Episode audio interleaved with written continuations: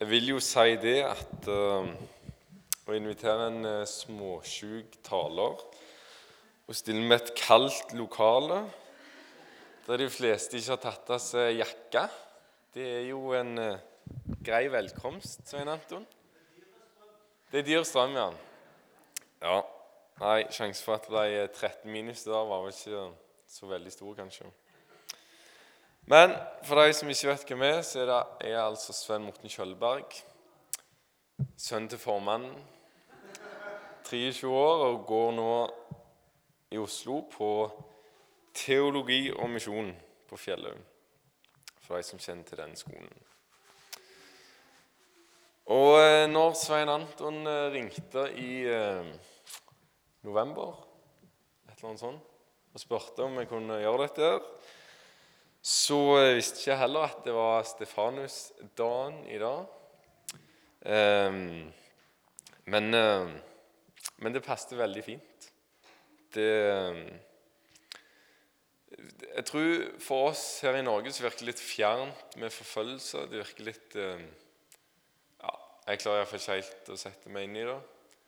Og, og effekt det har på på kristelig nivå Jeg har lyst til å snakke litt om, eh, om et, et, land der de faktisk opplever det. Eh, først vil jeg bare lese en av de tekstene som er dagens tekst. Eh, kirkeår, eller hva det kalles. Fra Matteus 10, 17-22 så står det Dette er da Jesus som taler til disiplene før han skal sende dem ut. Eh, men ta dere i vare for menneskene, for de skal overgi dere til domstolene og hudstryke dere i sine synagoger. Og dere skal føres fram for landshøvdinger og konger for min skyld, til vitnesbyrd for dem og for hedningene. Men når de overgir dere, vær da ikke bekymret for hvordan dere skal tale, eller hva dere skal si. For det skal bli gitt dere i samme stund hva dere skal si. For det er ikke dere som taler, men deres Fars ånd taler i dere. Bror skal overgi bror til døden og en far sitt barn. Og barn skal reise imot foreldre og volde deres død. Og dere skal bli hatet av alle for mitt navns skyld. Men den som holder ut til enden, han skal bli frelst. Når jeg leser dette, her, så er det, det, så, det er fjernt. Um, for, for, jeg kjenner ikke, jeg kjenner ikke meg sjøl helt igjen i det. Det er at bror skal overgi bror. Jeg ser ikke helt for meg at min bror som sitter her i dag, eh, skal overgi meg fordi jeg tror på, på Jesus. Men det fins faktisk folk i dag der dette skjer. Eh, ifølge et amerikansk institutt som ikke er kristen, så har 70% av verdens befolkning på en eller annen form eh, begrensa religionsfrihet. Og verstingene av de alle det er et land som heter Nord-Korea. Og Det har vært eh, en god del om dem i det siste i media og sånn pga. konflikten med Sør-Korea. Eh, 70 av verdens befolkning det er 4,8 milliarder. Og da er ikke Nord-Korea tatt med, for det, det amerikanske instituttet sier vi har så lite tilgang til informasjon, det er så lukka land, at vi kan ikke ta dem med. Fordi de vet ikke nok. Men det de vet åpner dører, de er jo i tjeneste for forfulgte kristne. Eh, som denne dagen er til minne om, eller ja. De sier det at ca. 1% av befolkningen er kristne. Det er 200 000. Og 50% av dem er i fangeleirer. Og I fangeleirene blir de bl.a. nødt til å gå og kikke ned. Eh, fordi de tror på en Gud som er i himmelen. Og det, det blir systematisk eh, forfulgt. Jeg at jeg hadde vært kristen, men resten av familien ikke, så kunne hele familien eh, bli tatt da, for at jeg var kristen. Og Det er hverdagen. Og allikevel så møtes disse 150 000 som er utenfor fangeleiren, de møtes til samlinger og de kan ikke si det til ungene sine. For ungene går på skole der de blir opplært til å angi foreldrene hvis de, hvis de ser at noe er galt. Eller hvis de ser at noe er ja, Hvis de merker at foreldrene sniker seg ut og finner noe de gjør, så skal, blir de opplært til at du må si ifra til myndighetene. For det er myndighetene som bestiller, og det er myndighetene som egentlig er den tillatte religionen.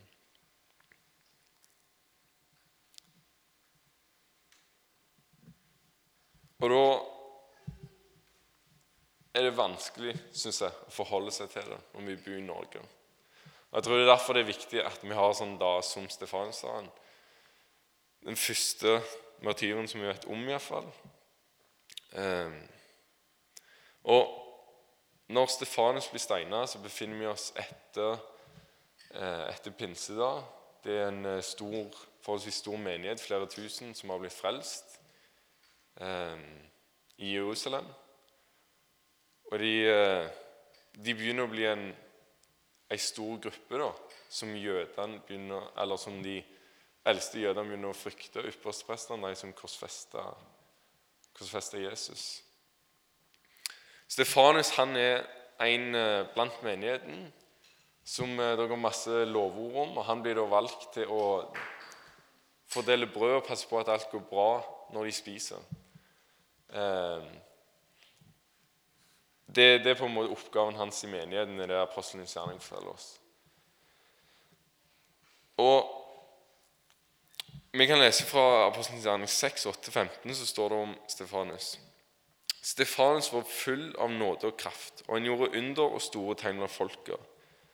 Da sto det fram noen av den synagogen som kalles de frigittes og kyrenernes og aleksandrinernes, og noen av dem som var fra Kilkia og Asia, og de ga seg i ordskiftet med Stefanus. Men de kunne ikke stå seg mot den visdom og ånd som han talte med. De avtalte da i hemmelighet med noen menn at de skulle si:" Vi har hørt ham tale spottende ord mot Moses og Gud. Slik hisset de opp både folket og de eldste og de skriftlærde. De gikk fram og grep ham og førte ham for rådet. Der stilte de fram falske vitner som sa:" Denne mannen holder ikke opp med å tale spottende ord mot dette hellige sted og mot loven. Vi har hørt ham si at denne Jesus fra Nasaret skal bryte ned dette sted og forandre de skikker som Moses ga oss. Alle som satt i rådet, stirret på ham, og de så at hans ansikt var som en engels ansikt.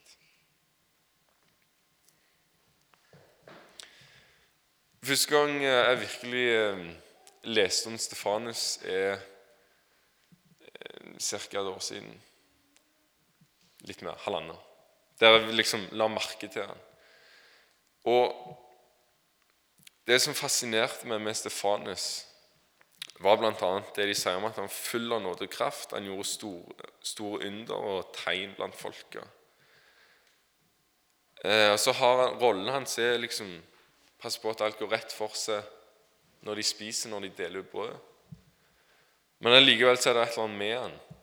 Eh, og når han da står framfor rådet som, som, som, vil hindre han i å snakke om, om, det han tror på, og som vil hindre eh, de andre disiplene og apostlene Før dette har, de blitt, har eh, eh, andre apostler blitt tatt inn for rådet, og de har fått beskjed om dere må holde opp. Dere får ikke lov, vi kaster dere i fengsel hvis ikke.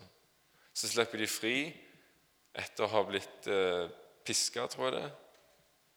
Og det de gjør etter å ha blitt piska, er at de, de, går ut og jubler for de fikk lov. Og de syns det er en ære å få lide for navnet Jesus. Og Jeg kjenner det så utfordrende at det er vanskelig. Og så ser jeg på Stefanus, helt vanlig mann. Men han har tydeligvis lært seg historien til folket sitt og Israels historie. For når han står framfor rådet, så gjengir han eh, historien fra Abraham, løftet om et land, til Jakob, de tolv sønnene Josef og Israel, utfarten fra Egypt og Moses. Eh, og som Josva leda de inn i det lovende land.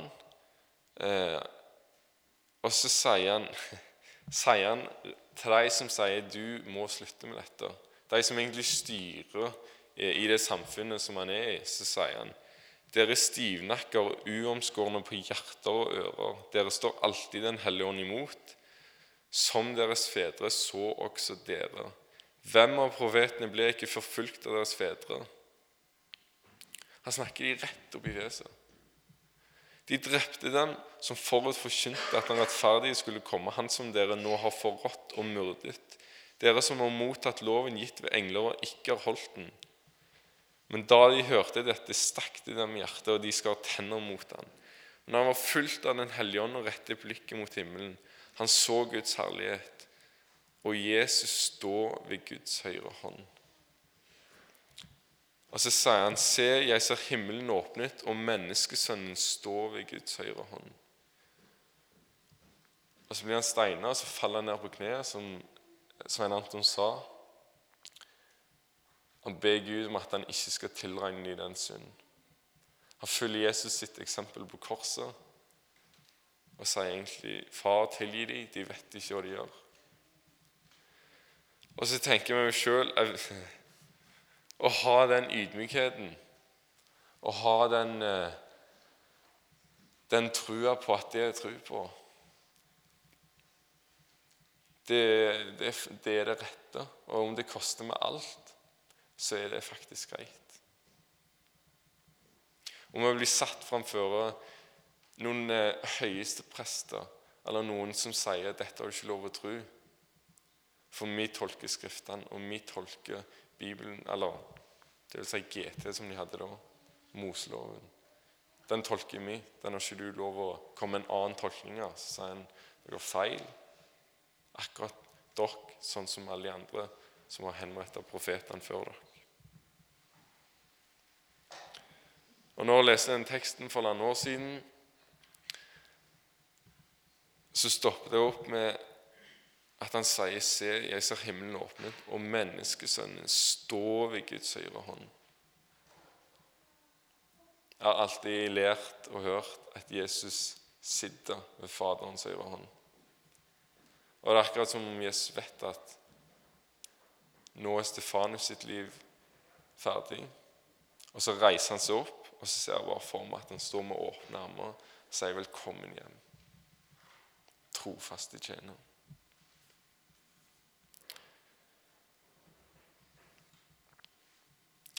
Dette skjer ca. år en plass mellom 30 og 40 etter Kristus.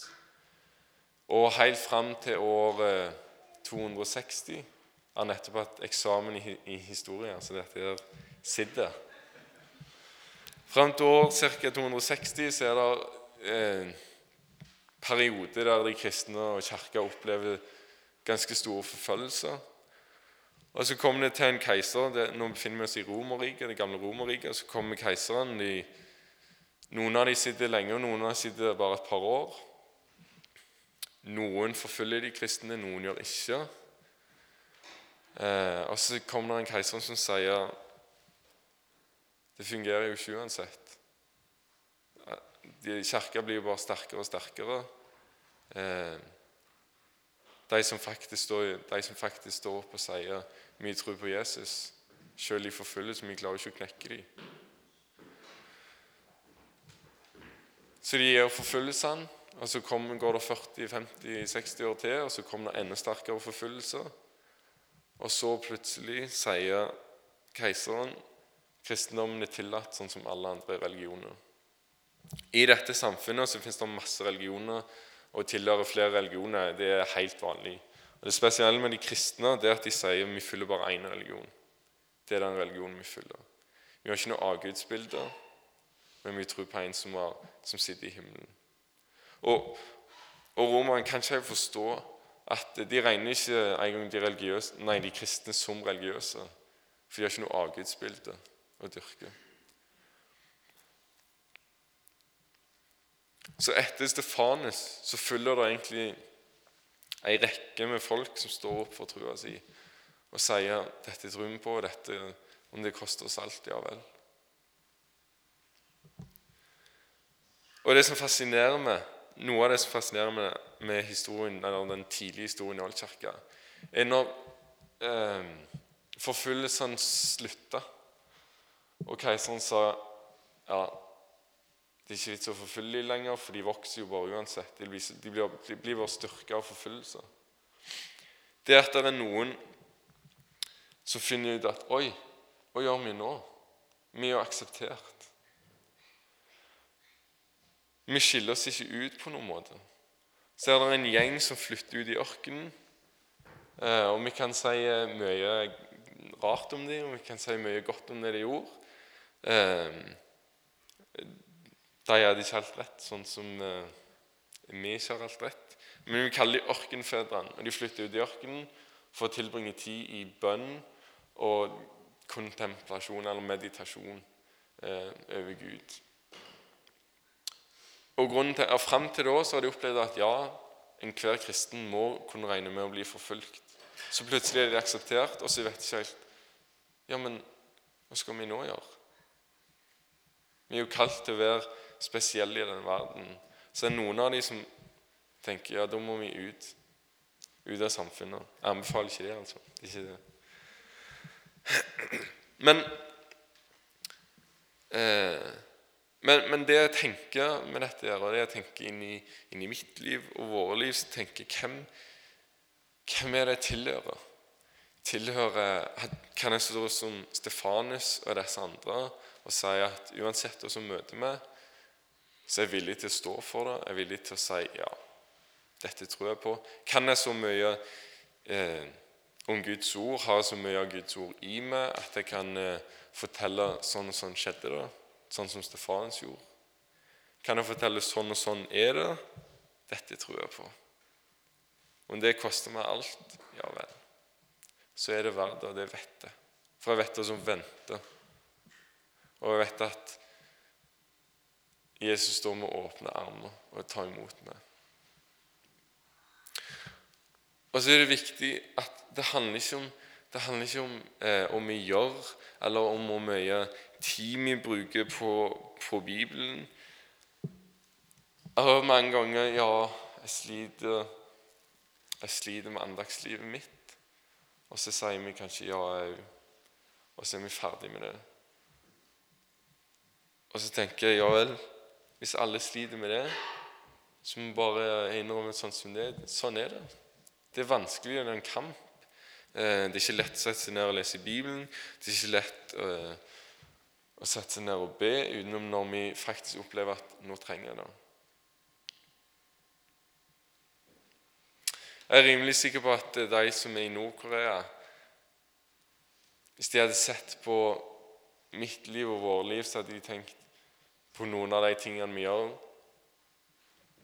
Åssen i all verden er det dere prioriterer? Tror dere, Hvis dere tror på dette, hva er det du gjør med livet ditt? Morten?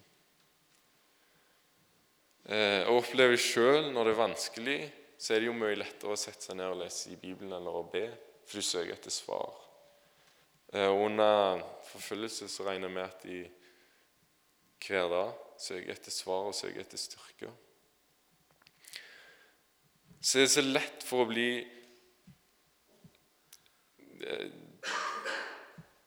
det å fokusere på feil ting. Eh, vi skal helst ha en eh, god jobb, og så legger vi mange av oss legger for mye verdi i det. Eh, og da vi, hvis vi mister den jobben pga. vår tro, hva står vi igjen med da? Eller eh, jeg skal helst ha gode karakterer på skolen. Og da hvis de kaster meg ut Nå er det litt usannsynlig siden jeg går på fjellet. Men så jeg hadde gått på en, et annet, en annen høyskole eller universitet og skje den dagen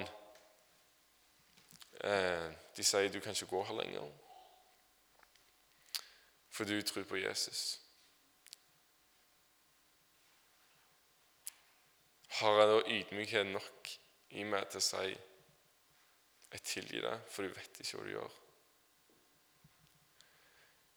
Det er jeg ikke alltid overbevist om sjøl.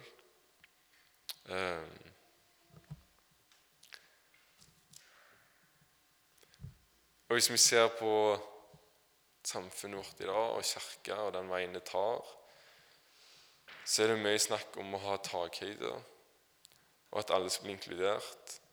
Og en del av en generasjon som skriker etter svar. Eh, og mine på min alder vi har egentlig alle muligheter åpne for eh, bl.a. en del av den generasjonen som sitter her, har jobbet hardt og stått på og sørga for at jeg kan gå på skole og få betalt for det. Få dekka studiene mine. Det er egentlig et privilegium som vi, jeg tror ikke vi tenker over nok. Eh, jeg tror ikke vi er helt klar over hvor heldige vi egentlig er. Og allikevel så skriker folk etter svar, og de prøver alt mulig rart. Og så er det mange, en del teologer og prester som helst vil at skal være flest mulig. Og om vi da går på kompromiss eh, med Bibelen ja vel. Så må vi tilpasse det til dagens samfunn. Jeg kjenner jo vondt, for det, det er ikke det min generasjon trenger. Det er ikke det samfunnet vårt trenger. Um, og nå kanskje, kan det kanskje høres ut som jeg er 23 og tror jeg har veldig feiling. Um, men jeg, jeg, sier det bare ut av de erfaringene jeg gjør, og det jeg ser rundt meg. Um, og å si at uh, du har lov til alt, bare finn det som er rett for deg, det fungerer ikke lenger. For folk bare bytter hele veien. Uh, og det, det, skader oss. Det var en uh, lærer som sa til oss at vår generasjon, altså min generasjon, er den eneste generasjonen som ikke har hatt et opprør mot foreldrene. Så jeg tenkte litt sånn Ja vel. Jeg har ikke alltid vært enig med mine foreldre, men eh, det er kanskje ikke et opprør. Så jeg har tenkt litt seinere at det er kanskje ikke så rart. For uh, i den tida vi lever, som de kaller postmodernisme, der er det jo lov til alt, så det er jo ikke noe å gjøre opprør mot. Eh, og jeg tror Jeg er overbevist om at eh, veien videre for oss som kristne og for Kirka, det er ikke å si ja, eh, vi skal tilpasse det sånn at alle kan passe inn. Eh, og nå snakker jeg ikke først og fremst om statskirka, jeg snakker om våre liv. Eh, men det er heller sånn og sånn, sier Bibelen. Sånn og sånn skal vi leve, om det koster oss alt så er det sånn det er.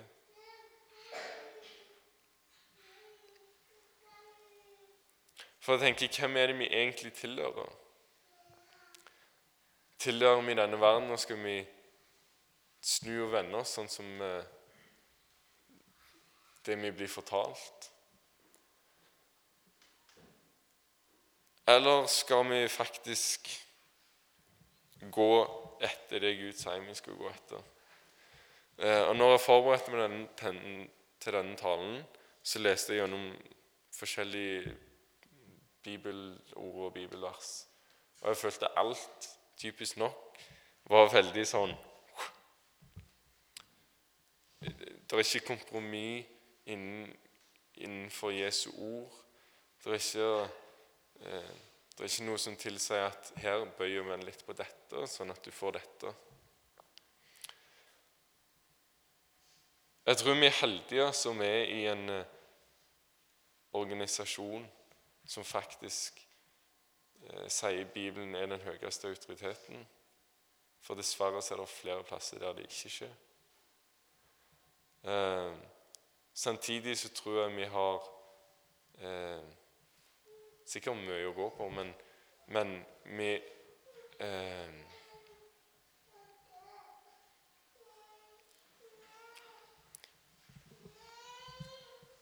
Vi, jeg tror vi har lett for å tenke at vi må gjøre nok for å fortjene det vi har fått av Gud. Vi må eh, Vi må liksom strekke oss så langt, eller vi må eh, Vi må søke plasser der vi får utfordringer. Jeg tror faktisk at en del eh, unge i dag helst eh, skulle ønsket at det var litt mer eh, trengsel, og at det var litt vanskeligere å være kristen, for da hadde de måttet tatt et valg.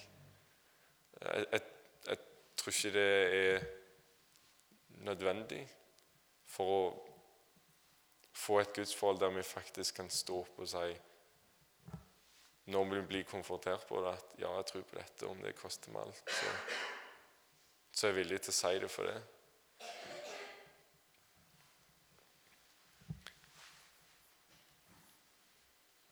I første Korinterbrev 4-5 så står det sånn Døm derfor ikke noe før tiden, før Herren kommer. Han skal føre fram i lyset det som er skjult i mørket, og åpenbare hjertenes råd.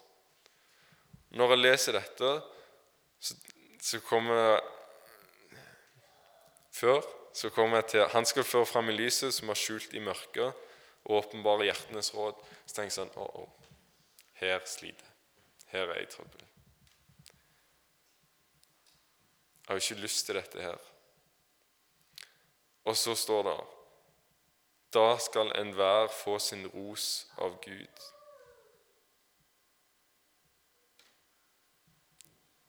Det er, jo, det er jo helt motsatt av det jeg tenkte. Jeg tror eh, Jeg tror at her i Norge og i det samfunnet som vi lever i, eh, så er det faktisk på tide i enda større grad at vi eh,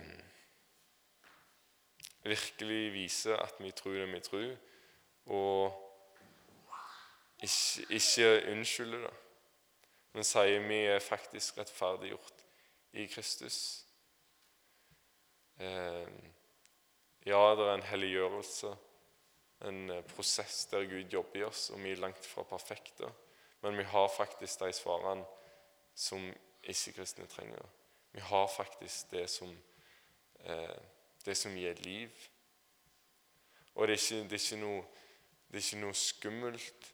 Det er ikke noe, det er ikke noe trist. Eh, og uansett hvor skyldig jeg føler meg, eller uansett hvor eh, mye jeg føler faller i synd om igjen og om igjen og om igjen, så skal jeg selvfølgelig ta det på alvor og la Gud jobbe i det. Men, liker, men samtidig så må, så må jeg stå i at jeg er tilgitt, jeg er vaska rein. Eh, og når jeg står framfor Gud, så skal jeg få, få ros for de gode tingene som han plassert i hjertet mitt. Jeg syns det er veldig vanskelig å forstå. Men jeg, men jeg må tro det.